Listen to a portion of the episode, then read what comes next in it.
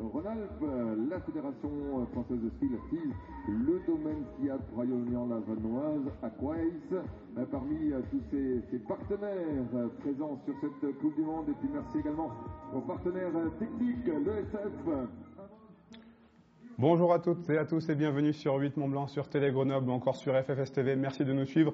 Événement exceptionnel aujourd'hui et demain. Nous sommes en direct de Pralognan-Lavanoise pour la Coupe du Monde de Télémarque qui se tient ici au cœur du Parc national de Lavanoise. Deux jours de compétition avec les meilleurs mondiaux. Une épreuve de classique sprint ce vendredi avec deux manches et une épreuve de classique demain samedi. Pour m'accompagner notamment ce matin, j'ai le plaisir et l'honneur d'avoir à mes côtés Chris Lowe. Bonsoir Chris. Bonsoir. Alors, euh, beaucoup, on est tout est réunis euh, aujourd'hui et demain pour avoir deux jours de très très grands spectacles ici à Pralognan. Ouais, ouais, ça va être euh, un événement assez sympa. Euh, surtout que ça fait toujours plaisir d'avoir une compétition euh, en France, donc euh, à la maison pour nos Français, et j'espère qu'ils vont nous faire des beaux résultats ici à la maison. Alors pour ceux et celles qui ne connaissent pas encore la, la discipline, est-ce que tu peux nous rappeler ce, ce qu'est le télémarque bah, le télémarque, donc en fait, c'est une combinaison de, de, géants avec un tremplin au milieu, avec une ligne à franchir. Si on la franchit pas, bah, on prend des pénalités. La réception doit se faire également en télémarque. On retourne dans un peu de géant. Après, on arrive en bas dans le loom qui fait la transition en fait entre le géant et la petite partie ski de fond jusqu'à l'arrivée. On peut dire que c'est un petit peu un, un mix de, de toutes les disciplines de ski? Oui, tout à fait. D'ailleurs, c'est l'origine du ski euh, à la base. Donc, ça vient d'où justement Ça vient de Norvège. Donc c'est euh, un menuisier euh, norvégien Sondre Norheim qui a inventé en fait le virage télémarque. Et donc ça date de 1868 et c'est la, la, première compétition qu'il avait mis en place et, et, de là est né après le ski euh, par la suite. Alors euh, tu fais donc partie de la fameuse fratrie des lots, euh, spécialiste de télémarque. Comment vous, vous avez découvert cette discipline? Bah, j'ai découvert ça bah, donc, euh, par le biais de mon entraîneur à l'époque euh, qui, qui, qui, le pratiquait. Du coup, euh, on a essayé. Et puis, euh, par la suite, en fait, euh, il y a quand même beaucoup de plaisir dans cette discipline. Et donc, on a commencé à faire un peu les compétitions. Et comme ça marchait bien, bah, après, on a continué. C'est un sport très télégique, on va pouvoir le voir tout à l'heure, très esthétique. on dirait presque une, une chorégraphie sur les skis. Oui, bah, c'est sûr que c'est déjà c'est assez joli à voir aussi, mais euh, au niveau, c'est surtout les sensations qui sont euh, très très sympas. Donc en fait, euh, les, les, gens qui, qui voient le télémarque, ils pensent toujours que c'est super dur, alors que finalement c'est comme tout sport. En fait, une fois qu'on l'essaye, on prend très très vite plaisir, donc c'est à essayer. Alors tu disais tout à l'heure, il existe des pénalités de temps. Comment est-ce que comment elles sont décidées? Comment est-ce qu'elles s'appliquent? Donc on a un style en fait dans le parcours du géant. Donc on doit être en, en ce qu'on appelle la fente. Donc c'est l'écart de pied euh, dans chaque virage. Donc on est noté donc à chaque passage de porte, euh, il faut avoir l'écart d'un pied entre entre les deux pieds. Et euh, si on si on le fait pas, bah, on prend une pénalité qui est d'une seconde. Alors les épreuves vont avoir lieu sur la piste euh, dite des combes, la combe des Bieux. Euh, Est-ce que tu as pu la, la tester déjà? Non, j'ai pas eu l'occasion parce que j'ai arrêté il y a cinq ans. Donc les premières courses à Pralognan, il me semble que c'est déjà l'an dernier. Et du coup, bon, j'ai pas eu l'occasion de courir dessus, mais je l'ai déjà pratiqué plusieurs fois. Elle, elle est comment? Bah il y a un petit, elle est pas très très difficile. On a un petit mur sur le, haut et on finit sur un petit plat, mais ça va être euh, du coup un spectacle assez sympa parce que comme elle n'est pas très difficile, les coureurs vont pouvoir euh, vraiment se donner à fond. Alors la, piste elle est située juste derrière nous. Euh, un mot sur les, Français. Les Français les Françaises ont, parfaitement débuté la, saison de Coupe du Monde, notamment en Italie à la Tuile. Euh, ça sera l'occasion de confirmer euh, ce week-end, en plus en France à domicile. Ah bah oui, j'espère que ça va bien marcher. Enfin, je leur souhaite en tout cas. Euh, de toute façon, ils courent à la maison, donc il euh, n'y a pas de raison que, que, que ça fasse pas. Euh, bah, donc chez les garçons, on a quand même deux trois anciens qui, qui sont présents là, qui devraient euh, faire euh, le mieux qu'ils peuvent. Et puis bah, chez, chez les filles, euh, la locomotive de l'équipe, Argeline. Argeline, qui, qui je l'espère, va, va gagner aujourd'hui. en quoi c'est important de de courir à domicile Est-ce que ça joue vraiment, réellement, quand on sait qu'on a la famille, les amis et même le public qui est derrière nous? Bah oui, oui, tout à fait, parce que souvent on a aussi les médias locaux qui sont présents, on a toute la famille, les amis qui viennent nous encourager, donc on n'a pas envie de les décevoir. Donc quand on est au départ, on a presque, je dirais encore plus la pression puisqu'on veut, on veut donner du mieux qu'on peut, quoi. Euh, une dernière chose sur la, la météo. Les conditions sont plutôt bonnes, il, y a un peu de soleil, il fait pas trop trop froid. tu sens que c'est des bonnes conditions pour performer? Ah bah c'est les conditions idéales. Hein. On a la neige hyper froide, donc assez dure. le tracé il va pas bouger, il fait beau, la visibilité est parfaite, donc ça va être les meilleures conditions qu'on puisse avoir. Merci beaucoup Chris, on te retrouve un petit peu plus tard dans, dans la matinée. Tout à, à tout de suite.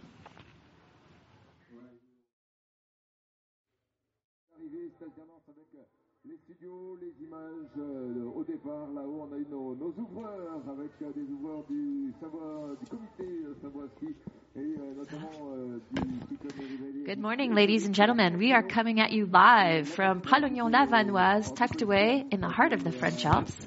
This is the second stop of the World Cup season. Last weekend, racers in, were in La Tuile, Italy, and now we're in France. My name is Monica Delaveau, and I'm alongside Alban Tissot, two-time French telemark champion. We'll be calling the action in both French and English this weekend. We've also got Tanner Visnik, who is our technical expert and World Cup athlete. Bonjour Alban, bonjour Tanner.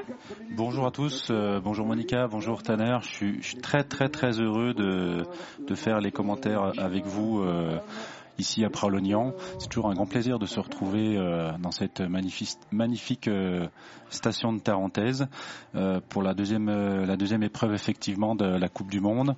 Les coureurs ont d'abord cette année commencé assez tard. Hein. Il n'y avait pas d'épreuve sur Intertux cet automne sur le glacier. Donc ils ont commencé la semaine dernière à la Tuile et deuxième étape avec une une sprint aujourd'hui, excusez-moi, et la classique demain à Pralognan-la-Vanoise. Good morning, Tanner. Say a few morning. words for us, please. Um, lovely day at uh, Pralonan La Vanois. Um, hopefully, I said that correctly. You're pretty close. We'll do some French lessons on the yeah. side too. That's okay. um, yeah, very excited. We got uh, pretty comfortable temperatures out there, minus 11 on the hill. Uh, early morning for the racers today. Um, but the skies are clear, no new snow last night, so it should be a nice and smooth track.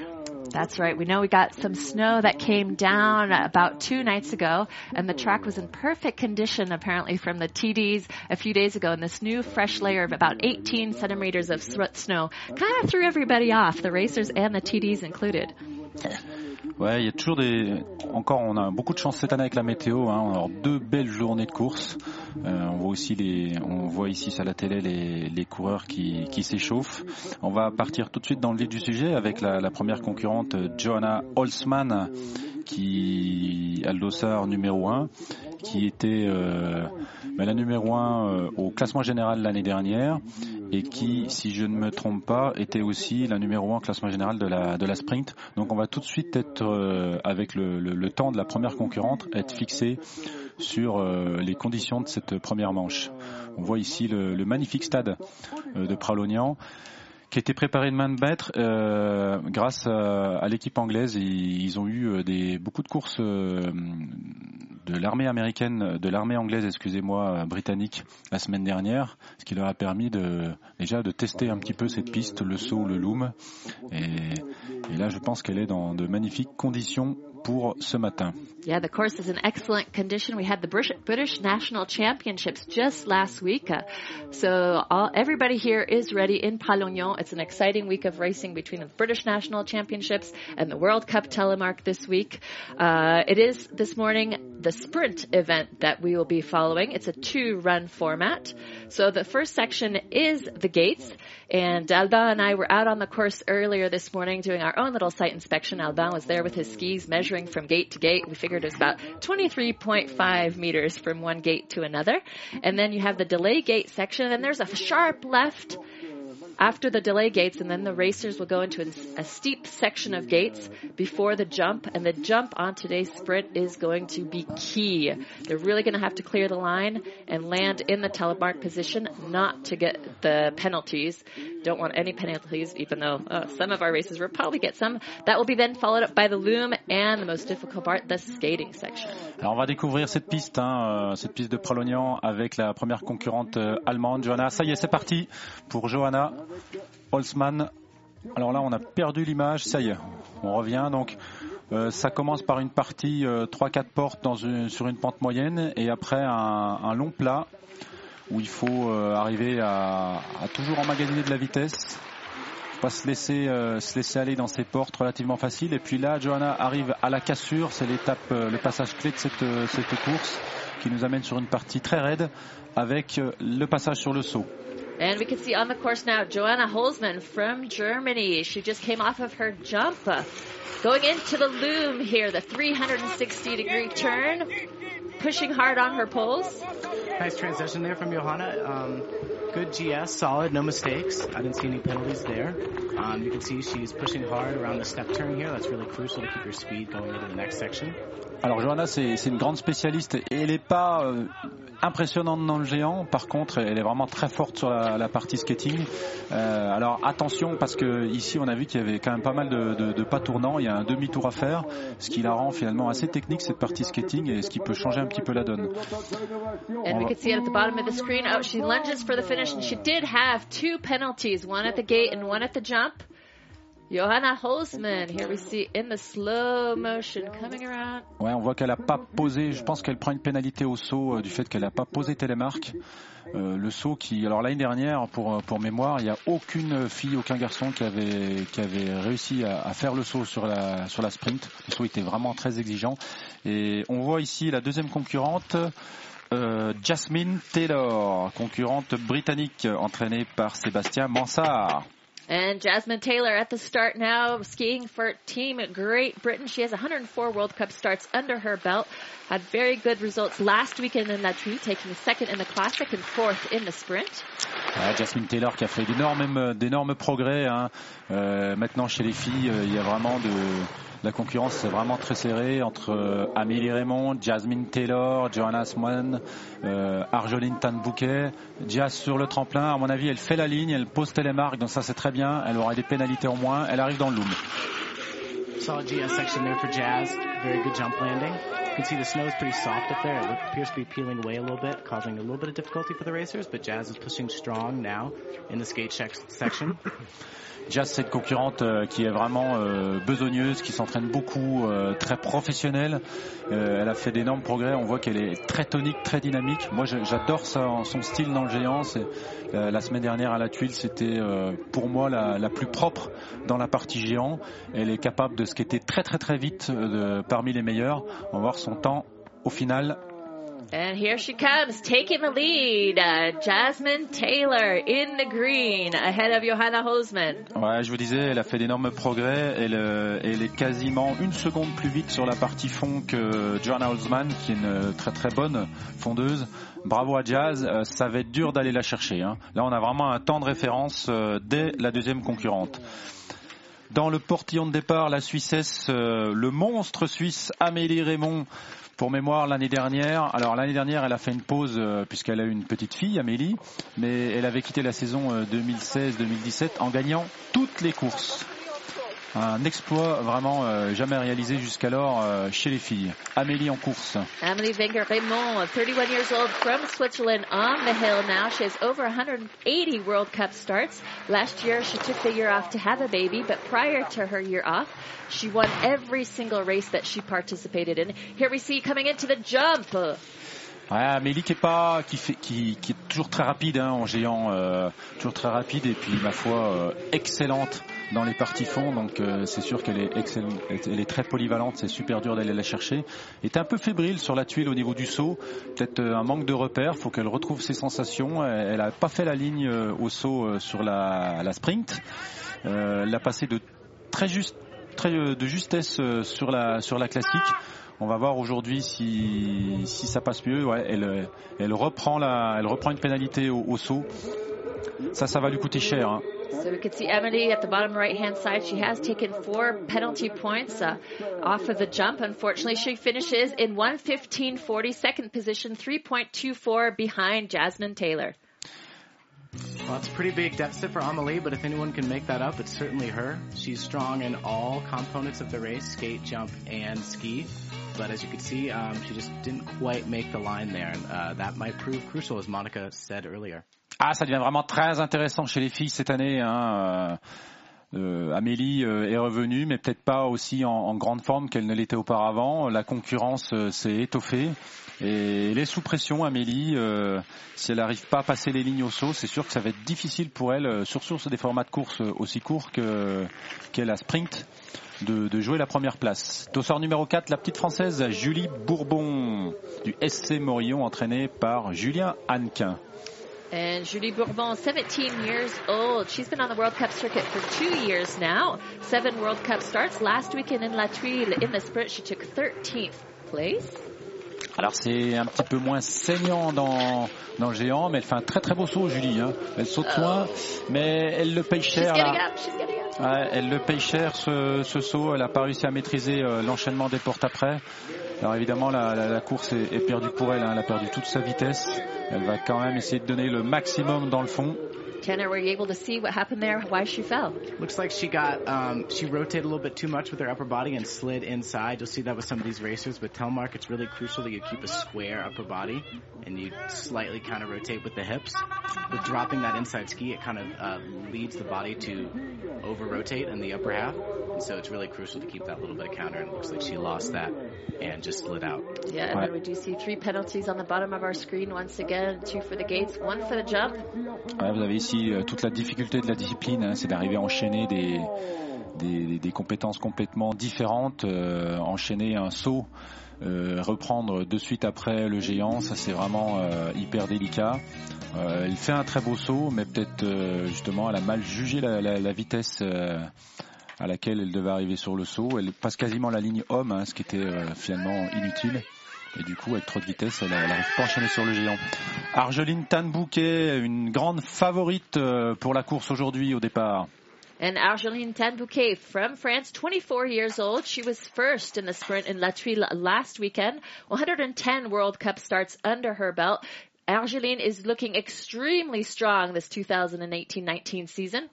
Argeline qui, doit adorer Pralognan puisque c'est ici l'année dernière qu'elle a gagné sa première course en Coupe du Monde. Alors c'était sur la classique, mais je pense qu'elle est en pleine confiance euh, cette année. Très beau saut, saut tendu pour Argeline. Et elle enchaîne parfaitement à la sortie du saut. Ah, là, ça va être très serré. On va voir son temps. Elle prend pas de pénalité a priori, donc ça c'est positif pour elle. Et c'est pas en fond aussi une pénalité, mais c'est pas en fond qu'elle va perdre beaucoup de temps. Elle est hyper tonique, hyper dynamique. Ça va être serré avec Jasmine Taylor. And we can see her coach Julien in the background there cheering her on. Go, go, go, go, go! Allez Argeline, on est tous avec toi. Argeline still looking very strong here at the end. Um, we'll see if that uh, one jump penalty proved crucial, but she should still have a very fast time. Argeline qui, qui nous fait un, un, un fond, euh, un fond moyen. Elle prend sur le temps du fond, elle prend une petite seconde. Et elle est deuxième. Elle est deuxième derrière euh, Jazz. And Argeline coming across the line in second position. Jasmine Taylor still in the lead. Really goes to show you how quick that run of Jazz's was. Um, but Argeline looked very strong there.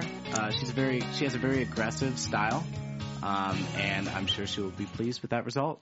Ah, elle perd la course sur, euh, bah, sur sa pénalité, hein, sa pénalité dans le géant, et puis euh, une petite seconde de, de concéder dans la partie fond. C'est vraiment très très serré. Tout va jouer à la deuxième manche. Au départ, Lola Mostero. Next up, Lola Mostero, 18 years old from France. Uh, this is her second year on the World Cup circuit. Eight World Cup starts under her belt.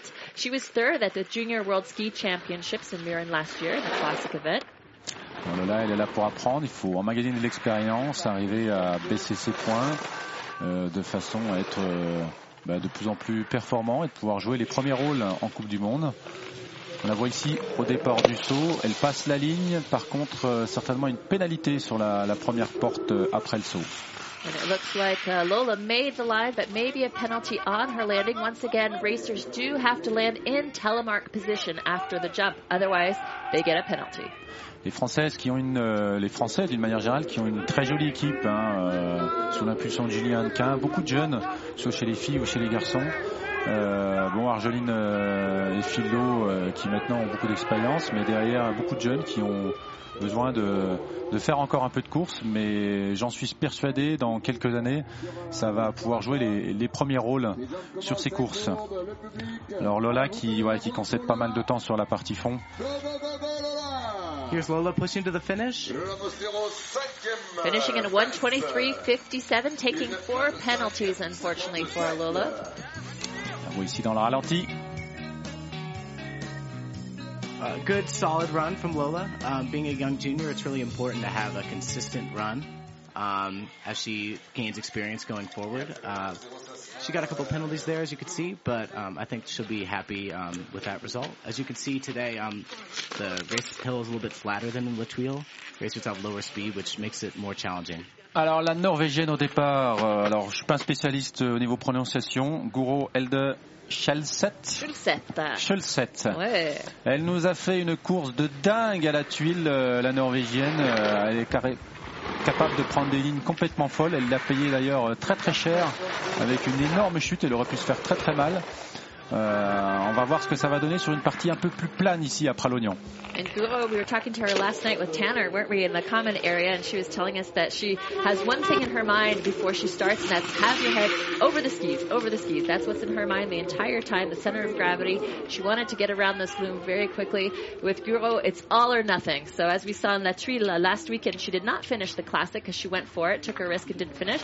But however, in the sprint in La took, she took third place and was on the podium. Ah, elle fait une belle course hein, pour l'instant la norvégienne. Elle fait un saut euh, magnifique, super bien plaqué, bien posé. Elle enchaîne très bien dans, le loom. On la voit ici dans la partie fond. C'est difficile de se rendre compte de, la vitesse. Elle a a priori euh, une petite seconde et demie euh, de retard sur la partie fond par rapport au meilleur. Voir ce que ça donne. Troisième position à 3 secondes euh, 3 And she clocks at 115.19, currently placing in her in third position. Magnifique saut ouais, de la norvégienne, très bien posé. I think that aggressive style paid off there. As you can see, she was taking a tight line at the gates, hitting a lot of gates, um, but on this flat hill, that can prove to be very fast. Very good run from Guro. Au départ, Chloé Blythe de Servoz. And Chloe Blythe, 19 years old from Cerveau, the Chamonix Valley in France. This is her fourth year on the World Cup circuit, 32 World Cup starts. Elle nous a fait une énorme faute euh, à la tuile, euh, un peu peut-être un manque d'expérience, manque de reconnaissance. Elle a juste loupé la porte. Elle est passée à côté de la porte euh, à l'entrée du saut. On espère pour elle que ça va mieux se passer euh, aujourd'hui. Ouais, c'est bien fait, ça s'est bien bien tourné sur la partie raide. On la voit ici au saut. Elle n'arrive pas à plaquer télémarque au saut. Ça fera une seconde de pénalité. Telemark. Ah, et là, faut relancer, faut mettre de la fréquence, beaucoup de fréquence pour pouvoir reprendre euh, de la vitesse tout de suite sur la partie fond. Euh, Une partie fond qui est, qui est difficile. hein. Il faut tourner autour de. euh, Là, on va la voir faire un virage à gauche très très serré autour de cette porte jaune et tout de suite il y a le, il y a le bourrelet là à droite c'est pas évident il n'y a pas beaucoup de place et tout de suite relancer pour enchaîner sur les quatre dernières portes de géant And for those of you who might be watching telemarking for the very first time, you can see the various colored gates. When the racers are going through the yellow gates, that means they are free to ski in any style they want. And here we see with the red and blue gates, they do need to ski in telemark. On se rend compte que Jazz a été impressionnante sur cette partie fond. hein. On essaie de prendre les temps intermédiaires au parcours fond. Euh, là, on a euh, Chloé qui tourne en 28-35, alors que Jazz euh, a littéralement explosé le temps en 23-89. 23-89 sur la partie fond. Vraiment grosse, grosse, grosse performance de, de la Britannique. On est content pour elle, elle le mérite, elle, elle s'entraîne dur, Jazz, et là elle arrive à un très bon niveau de compétitivité cette année. C'est vraiment très bien et ça va donner du piment euh, pour la compétition chez les filles. Béatrice Zimmermann au départ, la Suissesse. Beatrice Zimmerman now on the hill from Switzerland, uh, 28 years young, uh, 85 World Cup starts, 30 podiums, and four victories over her career. She took fifth in the sprint in La last weekend.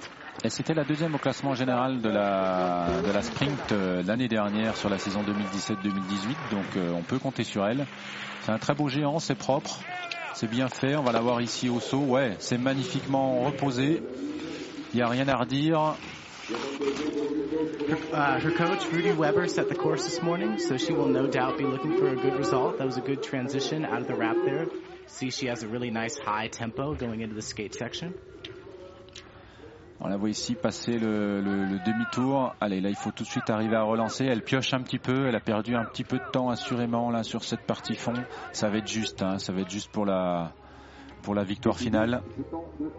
And she's going for it. She's pushing hard, trying to get in that skating here. She gets into the telemark position once again through these giant gates. Uh, she did pick up a penalty. Les filles qui finissent par une partie assez plane, là, 3-4 portes avant de passer la ligne d'arrivée. C'est le deuxième temps. Nice. Second place with a time of 114.44. Nice work for Beatrice Zimmerman from Switzerland.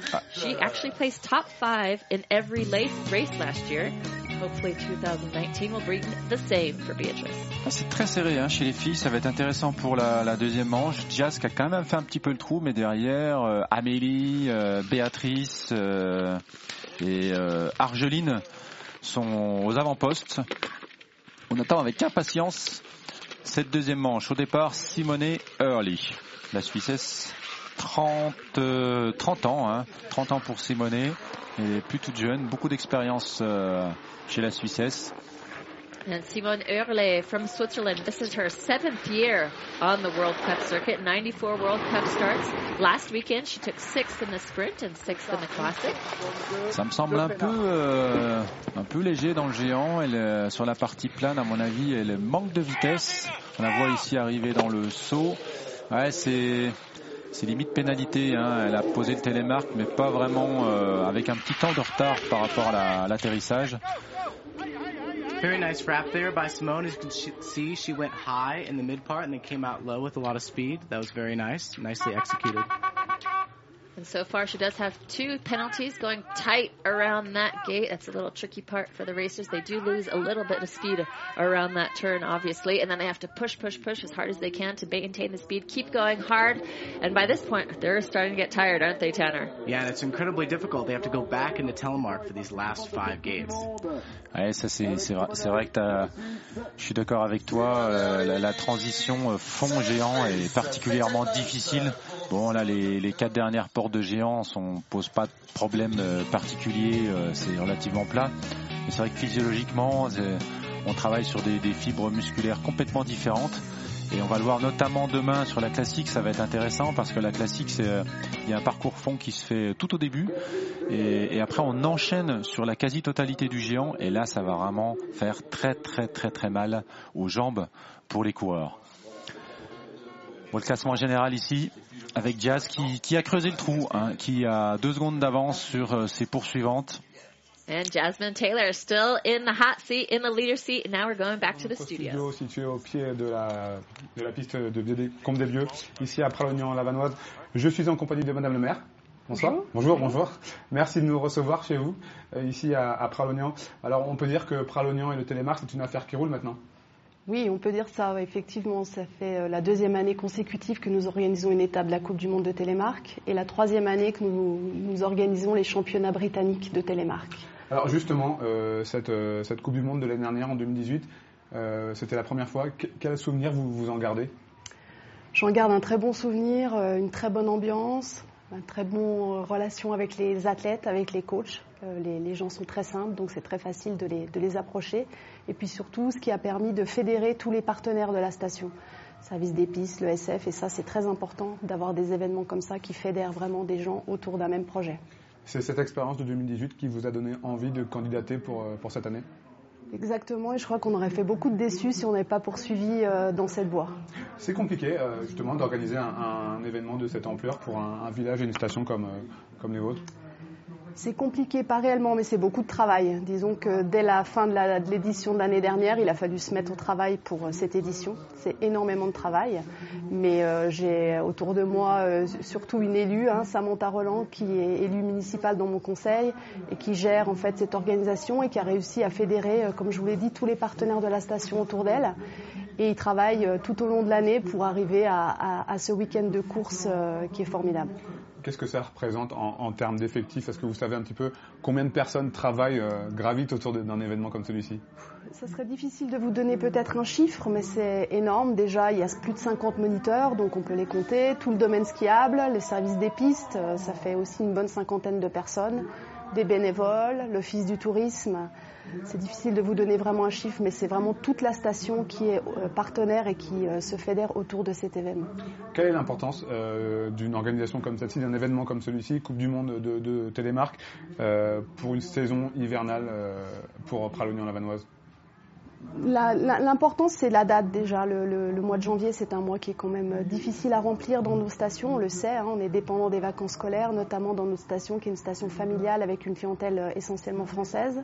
Donc ça nous permet d'animer un mois de janvier qui est quand même calme. Ça nous permet aussi d'avoir de, la visibilité, de la notoriété. Hein. Les médias sont présents, donc pour nous, c'est très important. Et puis ça nous a remis dans le, dans le cercle des stations de ski. On avait un petit peu oublié à une époque que Pralognan, c'était aussi une station de ski on, faisait un petit peu un, complexe, on va dire, avec notre domaine skiable qui est certes restreint mais intéressant.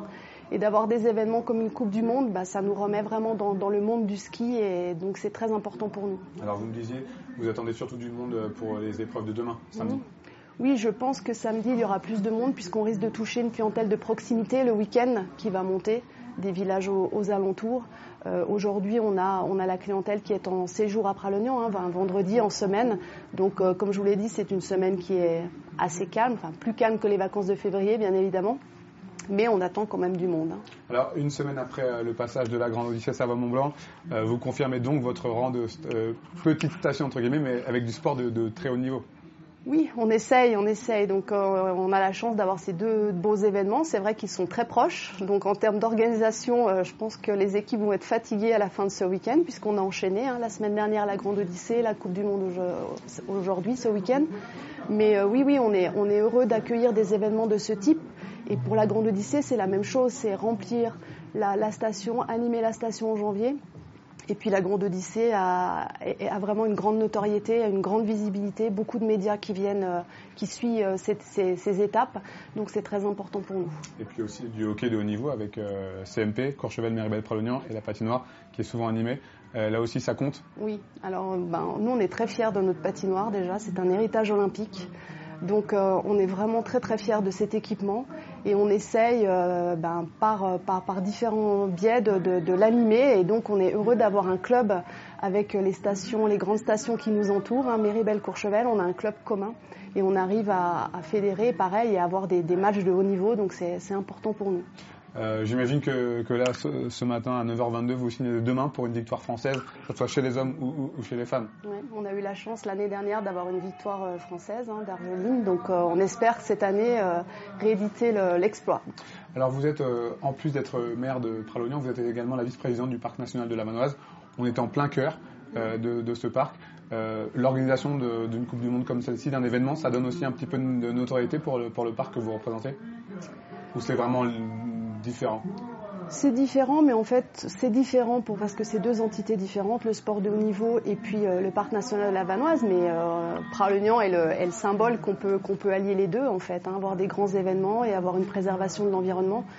Euh, Pralognan, c'est la capitale de la Vanoise. Euh, on le revendique, on en est fier et on veut, on veut continuer à être cette capitale. On a la chance d'avoir deux saisons à Pralognan, ce qui est une différen, différenciant par rapport aux autres stations, surtout en Tarentaise. Hein. une très belle saison d'hiver et une très belle saison d'été. Et puis euh, le parc national nous, nous, accompagne plutôt sur des événements qui ont lieu en altitude. À la fin de l'hiver, on va avoir une course de ski alpinisme, la Transvanoise, où là les coureurs entrent dans le parc national de la Vanoise. Et là, à ce titre-là, le, parc national devient un, réel partenaire. Euh, L'organisation d'événements sportifs, on voit ça vous, vous y tenez. Mmh. Euh, Est-ce que dans les, les, années à venir, d'ici la, la, la, fin de, de, votre, de, votre mandat, vous avez encore envie de de continuer dans cette, démarche, d'organiser en tout cas d'essayer d'organiser des, compétitions de haut niveau Oui, on va essayer, on va essayer. En tout cas, on va poursuivre le partenariat avec le Télémarque. Alors, est-ce que ça sera une étape de Coupe du Monde? Il y a aussi euh, des choses avec les juniors qui se, qui se discutent. Voilà, pour l'instant, euh, mais on, va essayer de poursuivre. Après, la difficulté pour nous, c'est quand même euh, qu'on est une petite station et on ne peut pas multiplier les, événements parce que un événement, ça coûte cher et puis ça a besoin, on a besoin de, de moyens humains et à un moment, les équipes, elles ont aussi leur travail. Hein. Il y a aussi la saison qui est en cours. Donc on ne peut pas leur, leur faire cumuler euh, trop d'événements plus leur travail euh, en supplément.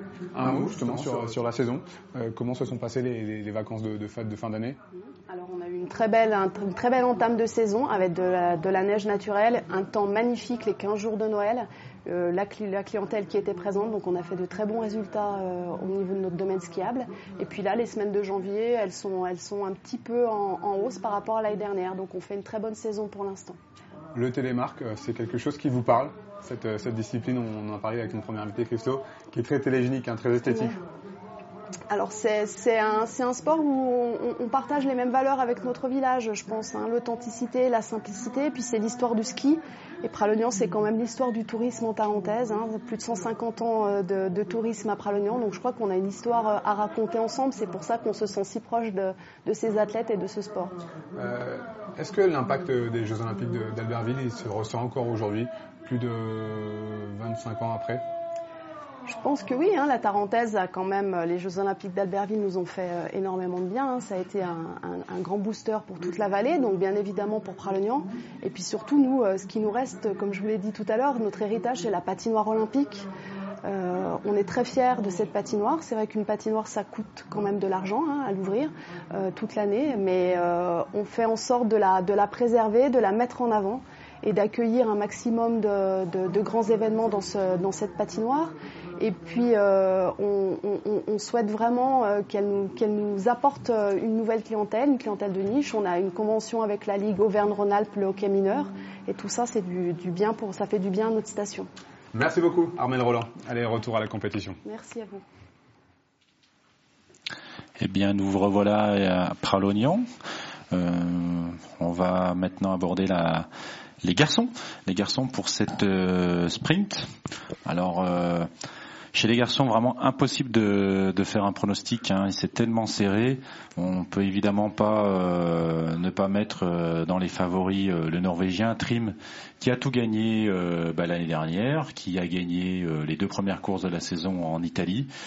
Mais il n'est pas tout seul, Trim. il y a également le, le Français Phil Lowe, l'inoxydable Phil Lowe, qui est toujours compétitif. D'ailleurs, c'est lui qui avait le meilleur temps sur la, sprint à la tuile.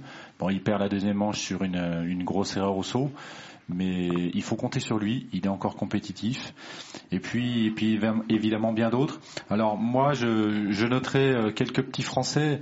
Il y a Noé, Clé, il y a Théo Sillon, Elina Beau, qui peut-être n'ont pas joué les premiers rôles, mais on a vu qu'ils étaient capables de faire de très très beaux géants euh, sur euh, sur la classique, notamment euh, à la tuile.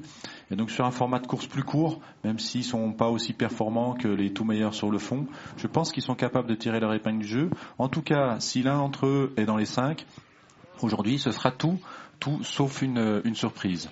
Et le voici d'ailleurs, Noé au départ. And here we are back on top of the hill. We are now kicking off the men's uh, sprint. Here, first bib up will be Noé Clé from France. Euh, Noé qui a 19 ans, hein, il est tout jeune, mais euh, à mon avis, il est capable déjà, vous voyez, sur, euh, sur ce géant, il a pris un, un, angle de fou là sur la porte bleue, très tonique, très dynamique. Il est capable de, de jouer les tout premiers rôles en géant. Alors euh, la clé, ça va être est-ce qu'il va pouvoir suivre le rythme sur la partie fond? On va voir ça. Here it comes into the jump. Let's see if Noé clears the line. It looks like he did. Yeah, ouais, c'est bien posé. Uh... C'est bien fait ça sur le tremplin. Ouh là là là là là A little bit of trouble in fini. the loop there. Oh shoot, too bad for Noé. But it looks like he's trying to put his shoes back on. Look at him go. All right, go for it, Noé. That was a great recovery from Noé Clay right there. It's happened to me before, and it normally takes quite a long time to get those back on. Let's see if he can muster a good result here. That was some fantastic GS skiing. Quel dommage pour Noé. Il avait fait une magnifique course là, mais il est arrivé trop vite sur le loom. Et la compression dans le loom, en fait, lui a fait, lui a fait sauter ses fixations. On voit d'ailleurs le rôle des, des liches hein, qui permettent de, de tenir les, les, skis à proximité. Ah, c'est vraiment dommage. Yeah, too bad for Noah, but he's still going for it into these final giant gates. Really nice low position, trying to be as aerodynamic as possible. Indeed, yeah, it looks quite flat down there. As you can see, he's pretty uh, gutted with that. Oh, poor Noé. On l'attend sur la deuxième manche, Noé. Euh, c'est pas grave, tu vas faire la deuxième manche et, et je pense que son temps sera intéressant, euh, très intéressant euh, de voir euh, ce qu'il est capable de faire à côté des, des, des, tout meilleurs. But he did cross the finish line, so that means he will still be able to take the start for the second run this afternoon. So it's not over for Noé. Ole Siverts, le Norvégien, au départ. And now Sivert Hulle from Norway. He's got 87 World Cup starts under his belt. Last weekend in La Tuile, he took seventh in the sprint. Alors Olé, c'est pas du tout le même gabarit, un très grand, très puissant. C'est complètement euh, l'opposé euh, du petit français. C'est moins joli dans le géant. Là, il se fait un petit peu malmené. Il a, qu'est-ce qui lui est arrivé? Il a pété son bâton, non? Ouh là là, looks like he broke one of his poles. He's trying to get it off right now. Sievert. Oh uh, yeah, he's playing with his. Sievert takes a really tight line at the gates, and he Alors, often breaks d'ailleurs, il change de bâton. Vous allez voir son entraîneur qui va lui passer un bâton à la sortie du loom. pairs trying to Direct, Oh enchaîne sur no, les didn't et do c'est foot. Ouais. Ah. Ouais, c'est malheureusement euh, c'est fichu pour euh, pour le Norvégien. Alors il tente de pousser, mais évidemment là à la relance euh, sans bâton, euh, c'est injouable. hein. And here comes Non, again the injouable. coach trying to do a second pass off with the pole. Unfortunately, wow, a lot of time left. Eh ben, les deux premiers concurrents, euh, déjà de, de grosses surprises. hein. Euh, une chute, euh, un bâton cassé. So one of the unique, unique things about Telmark is these racers have to go through the GS section with these long poles, and they're quite fragile and they break pretty often. So you have to have coaches at the bottom to give them their pole, and that can be a crucial part of the race. And as you can see today, it didn't quite work out for Sievert. Um, just a little too risky of a line there. But if anyone can skate with one pole, it's Sievert. He's no doubt one of the strongest guys, He's a strong especially that guy. Yeah. beast of an upper body he has. Ouais, c'est toujours un le, diffic- la- le difficile choix. hein. Est-ce que vous prenez des bâtons ultra légers, mais évidemment euh, très facilement cassables, ou est-ce que vous faites le choix d'un bâton un peu plus lourd avec plus d'inertie, mais pour lequel, avec lequel vous êtes sûr d'arriver en bas Alors on a ici euh, Théo Sillon du massif vosgien, 20 ans Théo, très très bon géantiste, petit gabarit également, très tonique, très dynamique. Allez Théo, on va voir ce que ça va donner. Théo Sion, 20 years old, representing France. Uh, he's been telemarking for 10 years, four years on the World Cup circuit. Not the biggest in terms of his actual physical size, but very dynamic skier. Really great landing there for Théo. C'est magnifiquement fait ça, c'est très très très bien. Là pour l'instant il commet aucune erreur. Quelques petites transitions un peu euh, un peu trop toniques. Il a perdu le contact ski neige euh,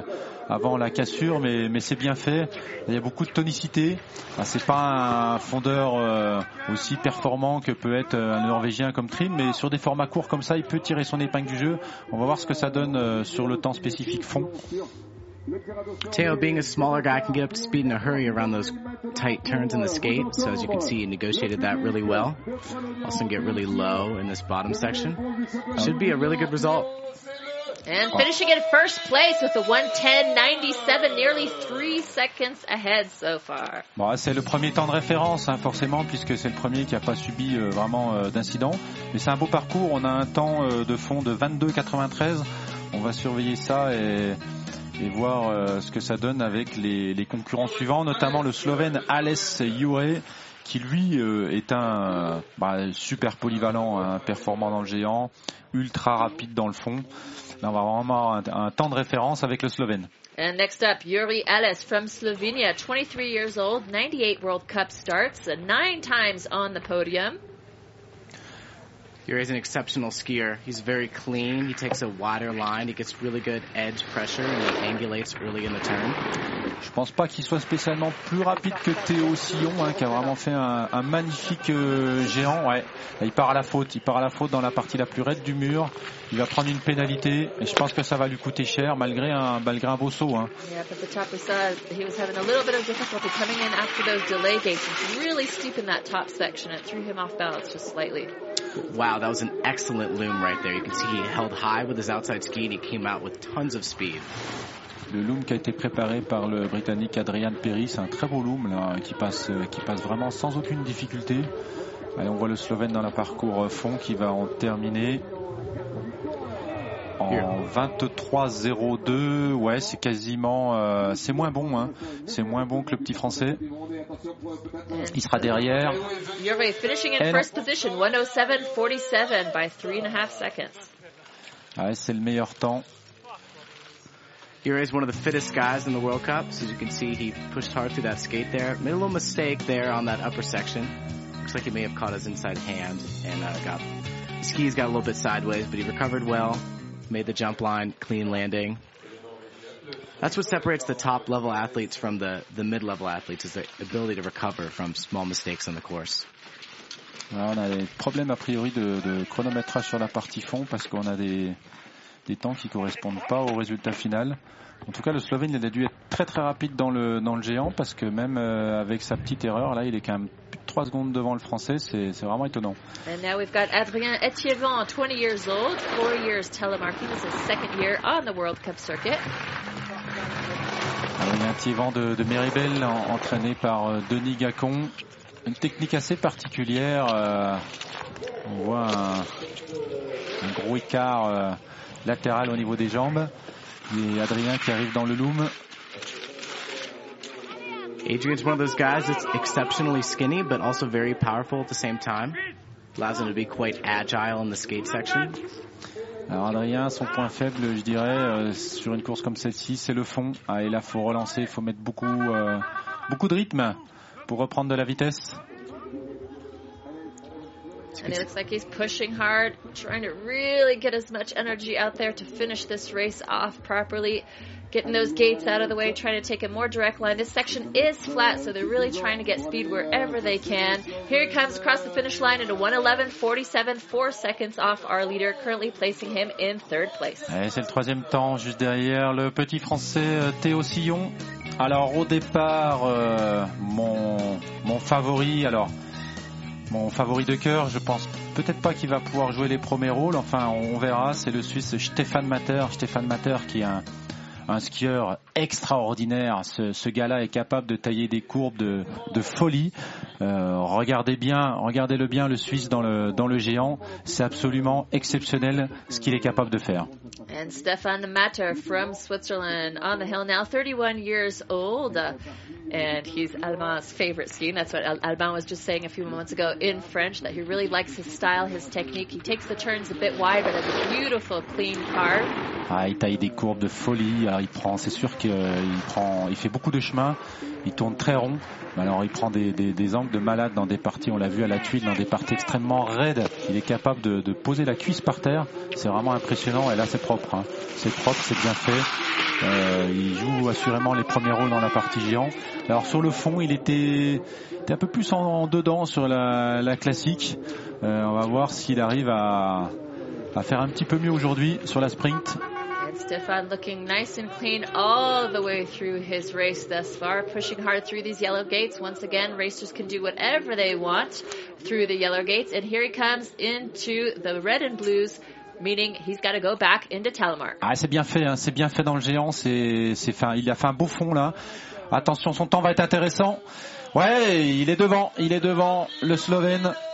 And he takes first by only four one hundredths of a second. Stefan Matter from Switzerland taking the lead. That was some textbook skiing right there. As you can see, he had a peculiar uh, ta- tactic. He did a little bit of a speed check going into the jump. I think these racers know they have a lot of speed going off that. So, a lot uh, the top guys are very calculated. They don't want to jump too far. They just want to land right over the line so they can get on edge quickly and be right in course and right on line. And Stefan executed that perfectly. That's right, because if they take too much uh, speed, they'll go too far and then miss those following gates. And after that, well, Yeah. Et rendez-vous demain, demain sur la classique qui est vraiment euh, sa spécialité euh, à Stéphane. On va en prendre plein les yeux. En course, euh, le français euh, Mati Lopez, très très gros gabarit. Euh, Mati Lopez, euh, famille de rugbyman, plus de 100 kilos à la pesée. Mati qui a eu des gros gros problèmes de dos euh, cet automne, euh, beaucoup de problèmes du coup pour, pour s'entraîner. Mais il va tout donner aujourd'hui. Il est chez lui. And Matty Lopez on the hill now from France, 22 years old. He had some pretty serious back injuries, but he's back out on the hill now. Un beau bébé, Mati. Allez, on le voit ici dans le loom. Alors lui, il est capable de carrément euh, casser les bâtons en deux dans le fond. Beaucoup de puissance, ça va vite. Matty's one of the strongest skaters on the World Cup, as you can see by his exceptional frame. He's pushing hard through that uh, turn right there. Nice clean skiing. We'll have to see if he made the line, but looks to be a really strong run so far. Ouais, c'est un beau fond, c'est un beau fond pour Mati. Euh, son temps va être intéressant. Pour l'instant, il n'a pas de pénalité. Il va jouer, il va pouvoir jouer les premiers rôles. Allez, Mati, euh. Il est quatrième. 111.17. quatrième temps. See Matty on the upper section. He's leaning in a little bit, but he's got a really nice high line. He gets on edge early. Also transitions well between the turns. Toujours aux avant-postes, le Suisse Stéphane Matter. Et dans le portillon de départ, le, la légende, la légende française, la légende du télémarque, Philippe Lau. Philippe Lau, alors on compte plus les départs. Hein.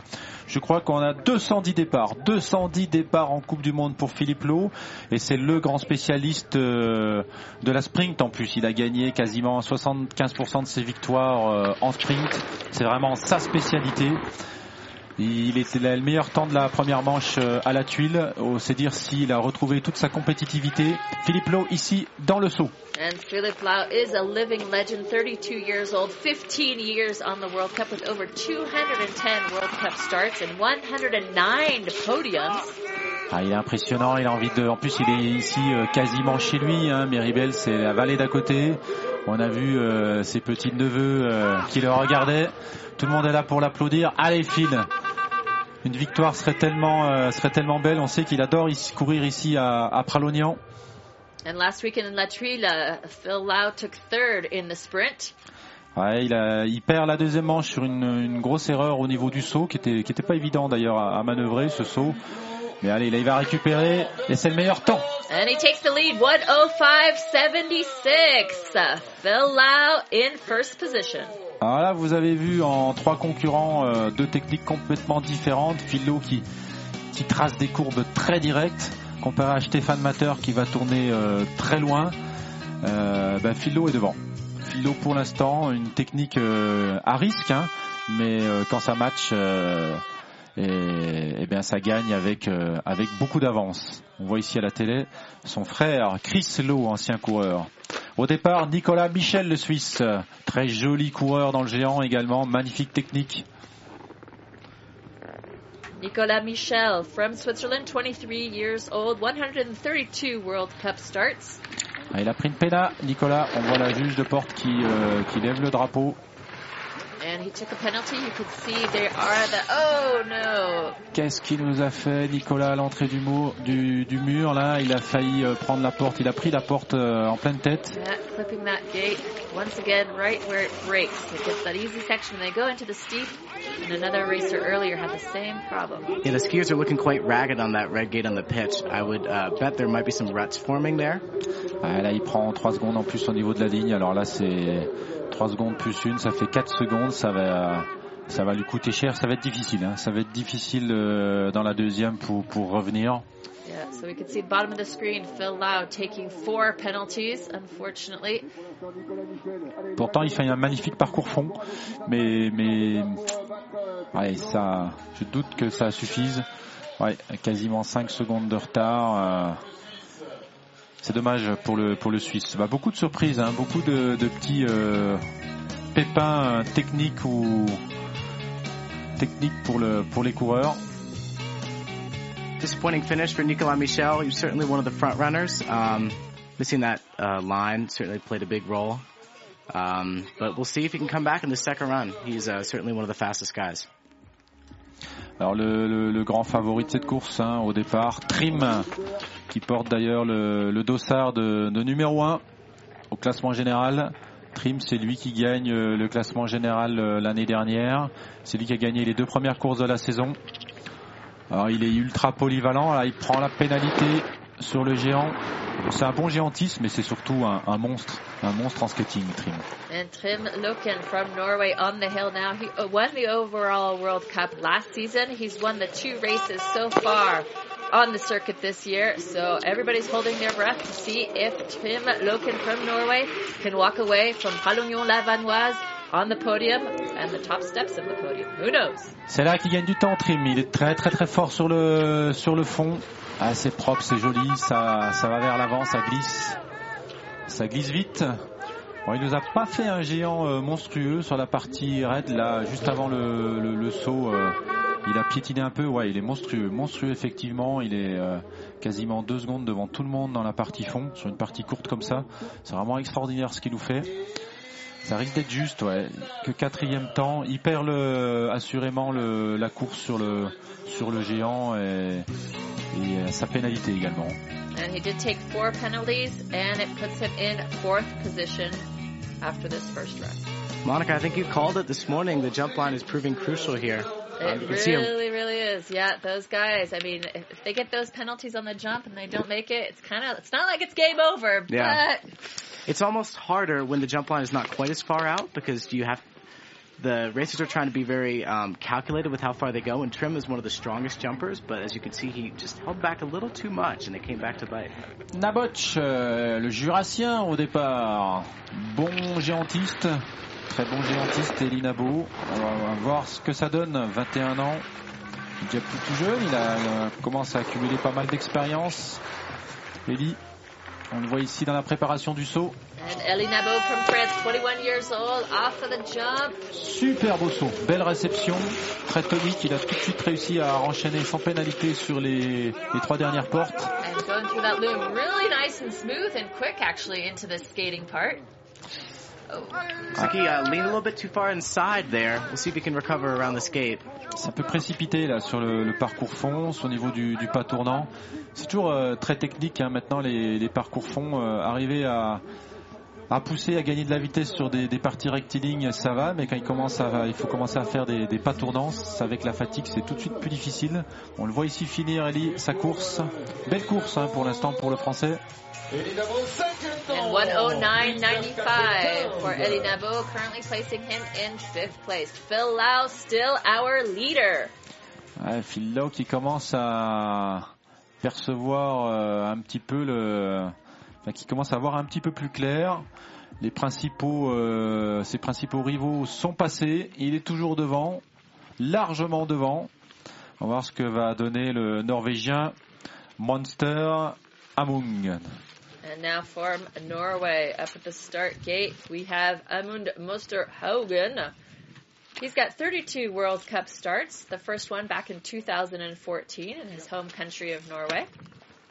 Get ready for a wild ride, folks. Amund is a crazy skier. Jack Harper Taylor has called him the monster on the hill. he takes a very direct line. He counters with his upper body. He s- smashes the gates. Skis on the edge. We'll see what he can do today. On la voit ici sur la, partie plane. Pour l'instant, il n'y a, pas d'erreur. C'est bien fait. Il prend très large là à l'entrée du mur. Il se fait un petit peu déstabiliser, un petit peu secoué là dans ce mur. C'est difficile cette course parce que vous commencez sur une partie relativement plane et vous avez 4-5 portes vraiment dans le raid. C'est difficile de faire les transitions. Là, il prend la pénalité à la réception du saut. On le voit ici dans le loom. And it was interesting to see his tuck, Tanner. There's two different styles of jumping, it seems like. Sometimes the guys are really tucking their legs up, and some of them they ca- stay straight. What's the advantage between the two? Yeah, so essentially, oh, actually, you can see what Amund did there is he went the opposite The way around that yeah, flag. right. C'est Um, le seul à avoir fait ça, ouais, effectivement. Il prend le virage à droite, c'est pas bête. C'est pas bête puisque euh, il peut ressortir avec un peu plus de vitesse à la sortie du virage. But what Amund was trying to do there is he's trying to get this pumping motion, so to speak. Um, and you have to calculate that perfectly because if you bring your legs up too early, then you're going to actually lose some of the um, pop you gain from the jump. And it's also for balance as well. Okay. C'est sûr que sur les groins et sur les, sur les sauts longs, très longs, la technique du, du saut tendu permet de, plus facile pour garder de, de l'équilibre. Fait de pouvoir regrouper à la fin du, du saut permet parfois de, de récupérer les quelques centimètres qui vous manquent pour passer la ligne. Going back to the, the skate gate, as you could see, going the other way around, what um, they often do when they set the skate sections, they'll set gates where they can take either line around it. So it's cool to see the um, skiers choose which one is best for them. And is that something that they know beforehand, like uh, before they take their line at the top, or is that what they decide because of the ruts that are forming and they and they change their strategy last minute? Um, I normally like to form my strategy for the skate before I go, but you know, if you're able to make those quick decisions um, in the moment, then oftentimes I'll change. Um, but So you know going into it, but you can change. On yeah, the, but on you the can't fly. change. Yeah, I- if they put an arrow in the uh, course and you have to go one way, but if they leave it open, then you can go both ways. And they'll specify that. C'est dommage parce que là il se fait, il se fait euh, embarquer en arrière, euh, il se fait prendre par l'accélération le- l'allemand parce qu'il avait fait un magnifique géant, un très très beau géant, c'était propre. Par contre il perd un petit peu de temps dans le loom, du coup il va bah, forcément perdre du temps euh, dans le dans le skate. On voit qu'il s'est un petit peu un petit peu euh, à la dure là pour relancer à la sortie de la, du demi-tour. And on the screen now we have Louis Uber from Germany, 17 years old. Oh, and he put his hand down right before that gate there. Mais c'est une belle course, hein, c'est une belle course pour l'allemand qui, je pense que Bah, ouais, dixième temps à 6 secondes. Je pense qu'il est content s'il arrive à réitérer cette, euh, la même qualité de manche, en tout cas dans le géant à la deuxième manche. Il aura, il va pouvoir peut-être faire un top 10. Ah, là, il se fait complètement, euh, complètement partir en arrière, tirer en arrière dans l'accélération du loom. Looks like he just got a bit crossed up in that wrap. Uh, the wrap is one of the most challenging parts of the Telmark course because the racers head into it with tired legs and it's an immediate compression. So you have to stay solid over your skis. You have to maintain a stacked body position. And as you can see there, he was just a little bit uh, turned up. 31 ans pour le Suisse, 205 départs. Voilà, on a eu Kilo avec ses 210 départs. Et ben l'autre euh, fossile du télémarque, c'est Bastien derrière. Alors Bastien derrière, il est toujours compétitif. Hein, il nous l'a montré sur la, la, classique à la tuile. On va voir ce que ça va donner sur la sprint. C'est un peu plus dur. Là, il prend la pénalité. C'est un peu plus délicat pour lui de, de jouer les premiers rôles euh, sur cette sprint. Allez, Bastien. And on the screen now, another heavy hitter, hitter Bastian Dyer from uh, Switzerland, 31 years old, with over 205 World Cup starts, 64 podiums, 16 victories, and 5 World Championship podiums. Ouais, très beau coureur, Bastien. Il est super intéressant de, le voir dans les classiques parce que il nous fait toujours des, stratégies euh, extraordinaires, énormes. Il a l'expérience, il trouve toujours les petites ficelles pour euh, pour arriver à gagner du temps, gagner de l'énergie. Il est pas si mal, hein. il est quatrième à, moins de deux secondes. Euh, il est placé, il est placé pour le podium pour la, la deuxième manche. And Bastian Dyer finishing in fourth position after this first run by just under two seconds behind Phil Lau. Ah, il s'y perd pas sa seconde à la réception du saut. Euh, il est vraiment aux avant-postes. C'est bien, c'est bien de le voir euh, aussi compétitif que ça. Il faudra compter sur lui, Bastien, euh, assurément demain à la classique. Un Norvégien au départ, Christian Glestadt. And now it's Christian Lavik Jalstad from Norway. He was the world junior champion in the sprint event. 29 World Cup starts, two times on the podium in the Junior World Ski Championship. Les gens qui arrivent dans la partie ice fait un petit peu secouer là. On ne sait pas si la piste commence à marquer un peu. Hein. Mais il s'est fait un petit peu secouer. On voyait sa, jambe extérieure qui, tapait un petit peu dans les, trois portes raides avant le saut. Very tight the gates, and then he gets down to the wrap, and he's a very strong skater, very strong lad. You can see, he's pushing really hard. Ah, c'est vraiment hyper, euh, hyper tonique, hyper rapide. C'est, c'est impressionnant ce qu'il nous fait là, le Norvégien dans la partie, euh, dans la partie fond. Malheureusement, malheureusement, les juges de porte sont, sont sans pitié là au niveau des, des pénalités. Ça lui fait 7 secondes de pénalité. C'est, c'est fini, hein. c'est Yeah. fini pour lui. Yeah, we can see for uh, Jalstad, seven penalties on the bottom right. Unfortunately, that's a really big difference.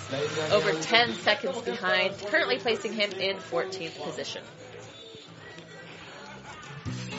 Yeah, I didn't quite see exactly where those penalties came, Monica. You may have just been a little bit short on boot space. Uh, the racers don't necessarily have to make a distinct mistake to get a penalty.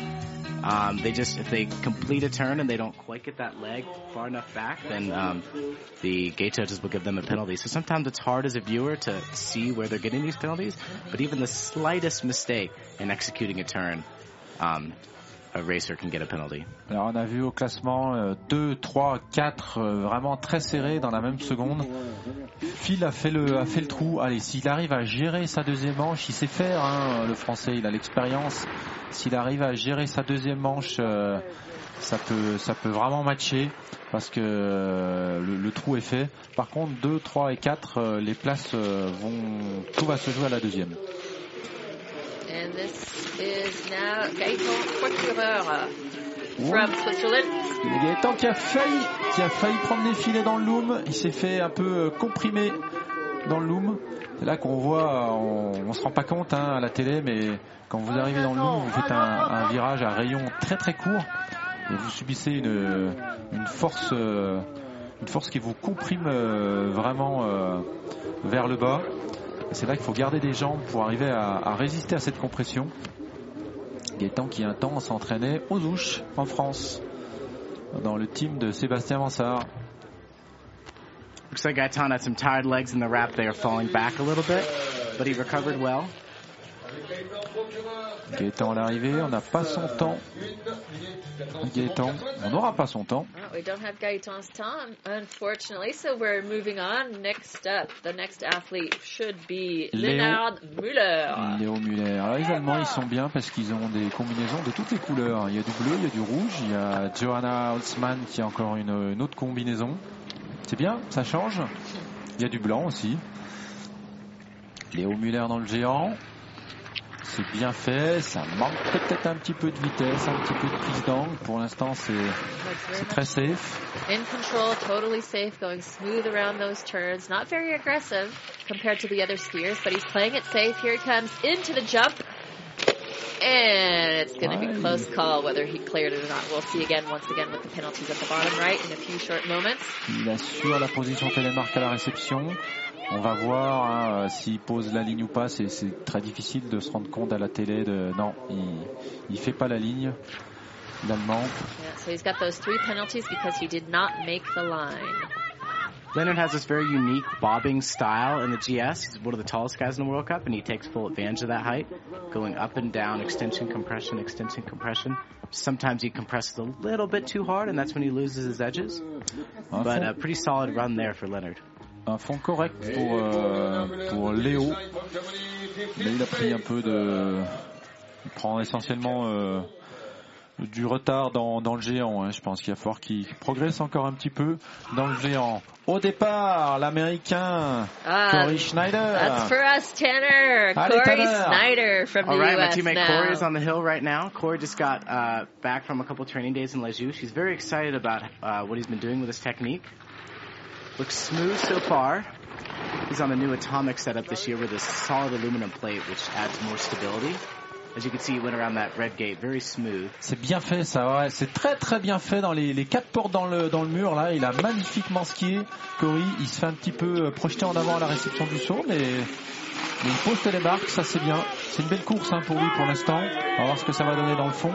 So it looks like he had a little bit of trouble on the reception, but I think he did manage to get himself in a telemark landing position, so hopefully not any penalties on the landing for Corey Snyder.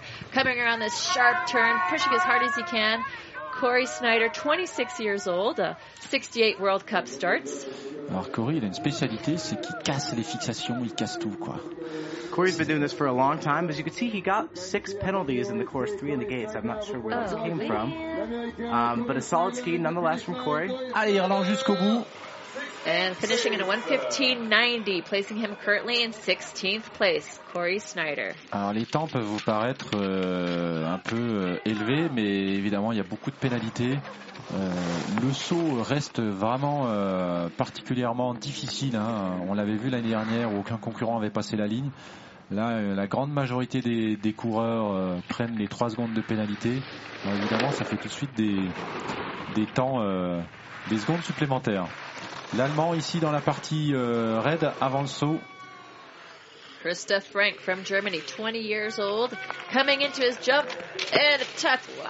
Ah, il est parti. little back seat on that jump there. Il est parti un petit peu en arrière, une impulsion euh, trop vers le haut, pas assez vers l'avant, ce qui lui a empêché de, de plaquer bien à plat et de réceptionner télémarque. The loom looked nice and clean though. Yeah, nice, uh, nice solid loom. You can see he's pushing hard right now.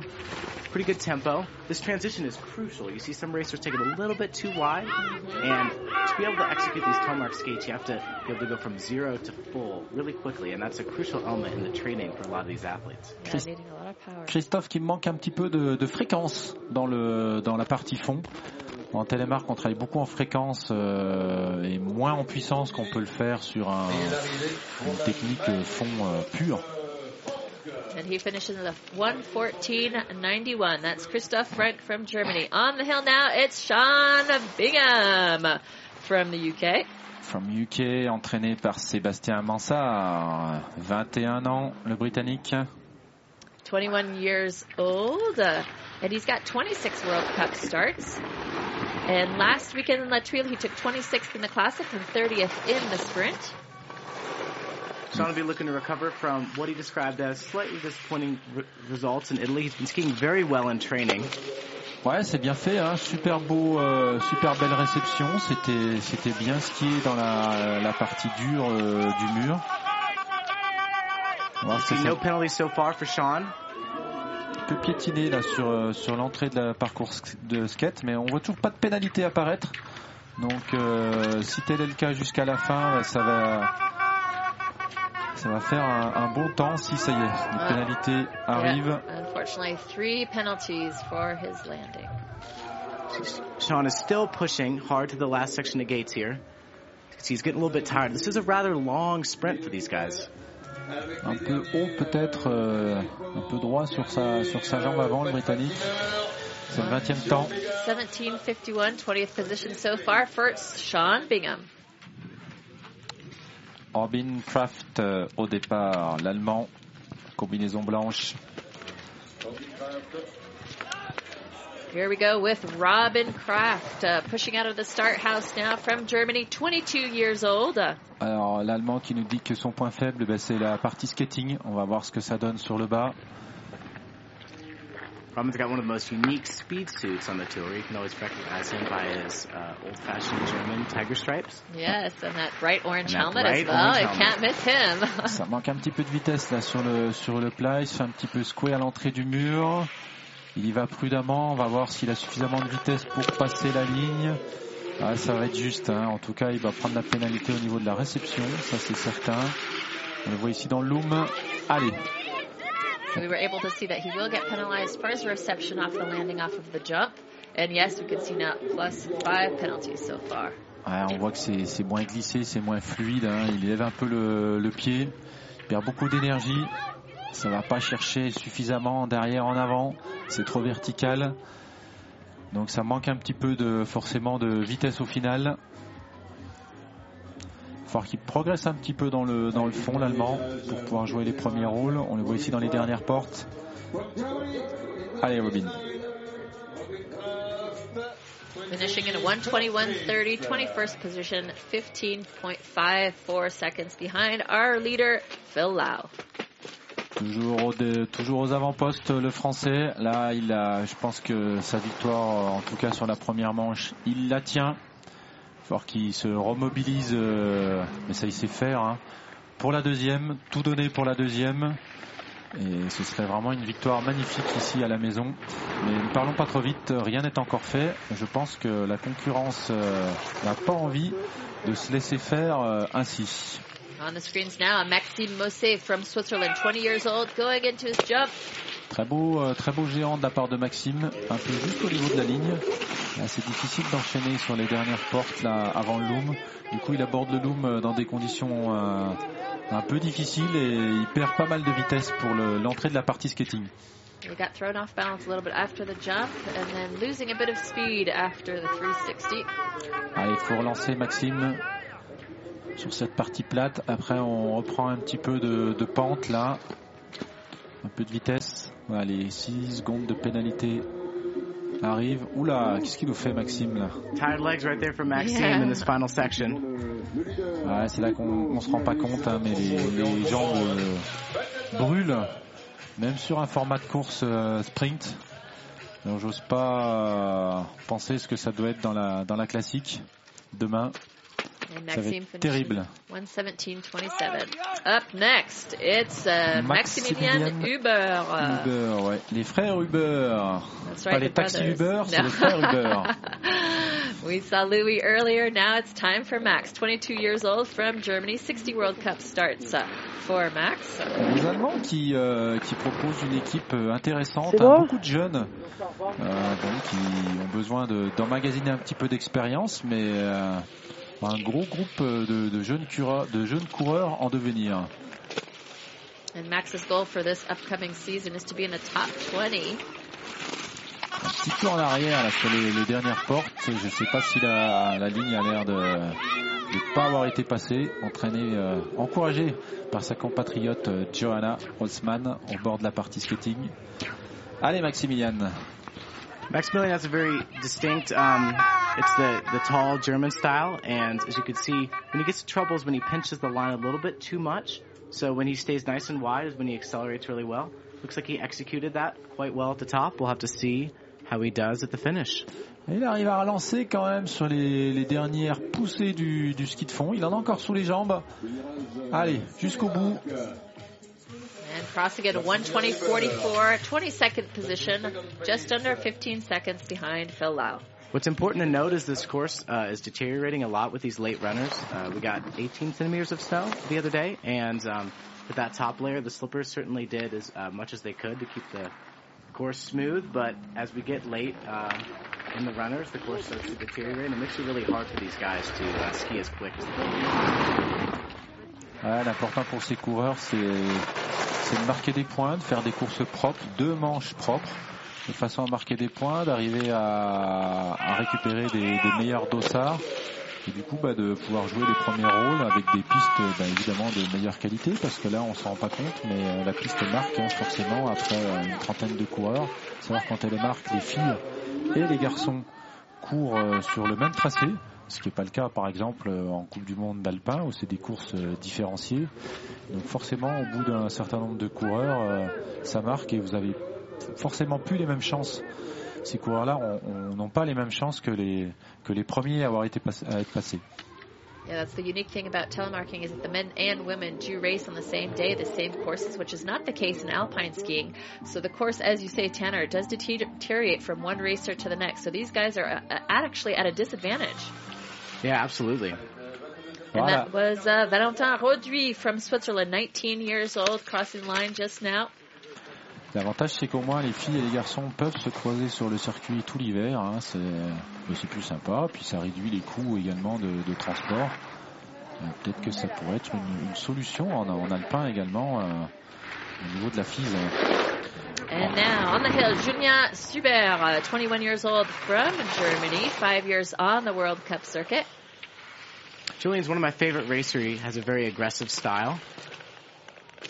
He had quite the hard crash in uh, Latuya last week. He's come back quite well. That looks like an excellent jump and landing. Ouais, très, super beau saut, vraiment magnifique saut, euh, beau saut, belle réception, bel enchaînement de la part de, de Julian, très à l'aise. Le fond est tout à fait correct. Looks like he may have stepped on his pole a little bit there, but recovered well. So far, only one penalty for Julian. Pour l'instant, on va voir si ça arrive. Pour l'instant, il n'a pas beaucoup de pénalités. Il fait vraiment un, un géant F1 euh, intéressant. Euh, on attend avec impatience son temps. Really good run for Julian, finishing in a 110.95, ninth position, only five seconds behind. He's happy, all right, ah, yes, il a content. Julien, il, super. Il a raison, il a raison, il a raison d'être content parce qu'il fait vraiment une belle course. I love seeing that show of emotion at the finish line. I know it's so great. Honestly, just you're still tired, but just the energy and the adrenaline comes Yep. out. Colin Awesome. Dixon euh, au départ de la famille Dixon. Euh, Ils sont deux frères à courir. Alors le petit frère, lui, est resté euh, en Angleterre pour ses études. Mais Colin est là. Son papa aussi, Neil, euh, très impliqué dans le télémark en France et à l'international, qui fait beaucoup pour le télémark. Une grande famille de télémarqueurs. And it's Colin Dixon now, 21 years old. Team GB. So up at the top, he had a little bit of difficulty. Skis were rattling. Here he comes into the loom. Losing a little teeny bit of speed, it As looks you'll- like. As you'll see, Monica, he's on a different binding than most. He's on the Majo. Uh, it's the same as Jasmine Taylor. It's got a pin system in the front. Ouais, les Mejo qui sont euh, bah, ces nouvelles fixations euh, fait- fait à la base pour pouvoir faire de la randonnée. Euh, alors avec un flex différent, différent des, des, des autres Rotofella. Est-ce que c'est mieux ou moins bien? Je sais pas. C'est vrai que c'est une sensation différente. Après, c'est peut-être juste une question d'habitude. Pour l'instant, une grande majorité quand même des coureurs euh, ne courent pas sur ce système terminé. And here he comes. Colin Dixon, finishing in 26th place with a 122.62 after the first one. Now, next up, Louis Hatchwell from the UK. Louis skied fantastic in Latuile in the sprint. He uh, got 12th place, which I believe is a career best for him. Uh, Louis is brimming with confidence right now. Les Anglais qui proposent, euh, les Britanniques euh, du reste qui proposent une équipe euh, intéressante. Alors euh, chez les garçons, ils sont encore un petit peu en retrait, mais il y a plein de, de jeunes coureurs euh, en devenir. Chez les filles, euh, avec Jasmine Taylor, ils arrivent euh, bah, au top niveau maintenant, sous l'impulsion de Sébastien Mansart, qui a beaucoup œuvré pour euh, pour. Oh, Aïe aïe aïe darn aïe. Is he going to get it back up or not? No. As you can see, Louis has gone down. Oh, appears he's blown out of that binding. It's the, the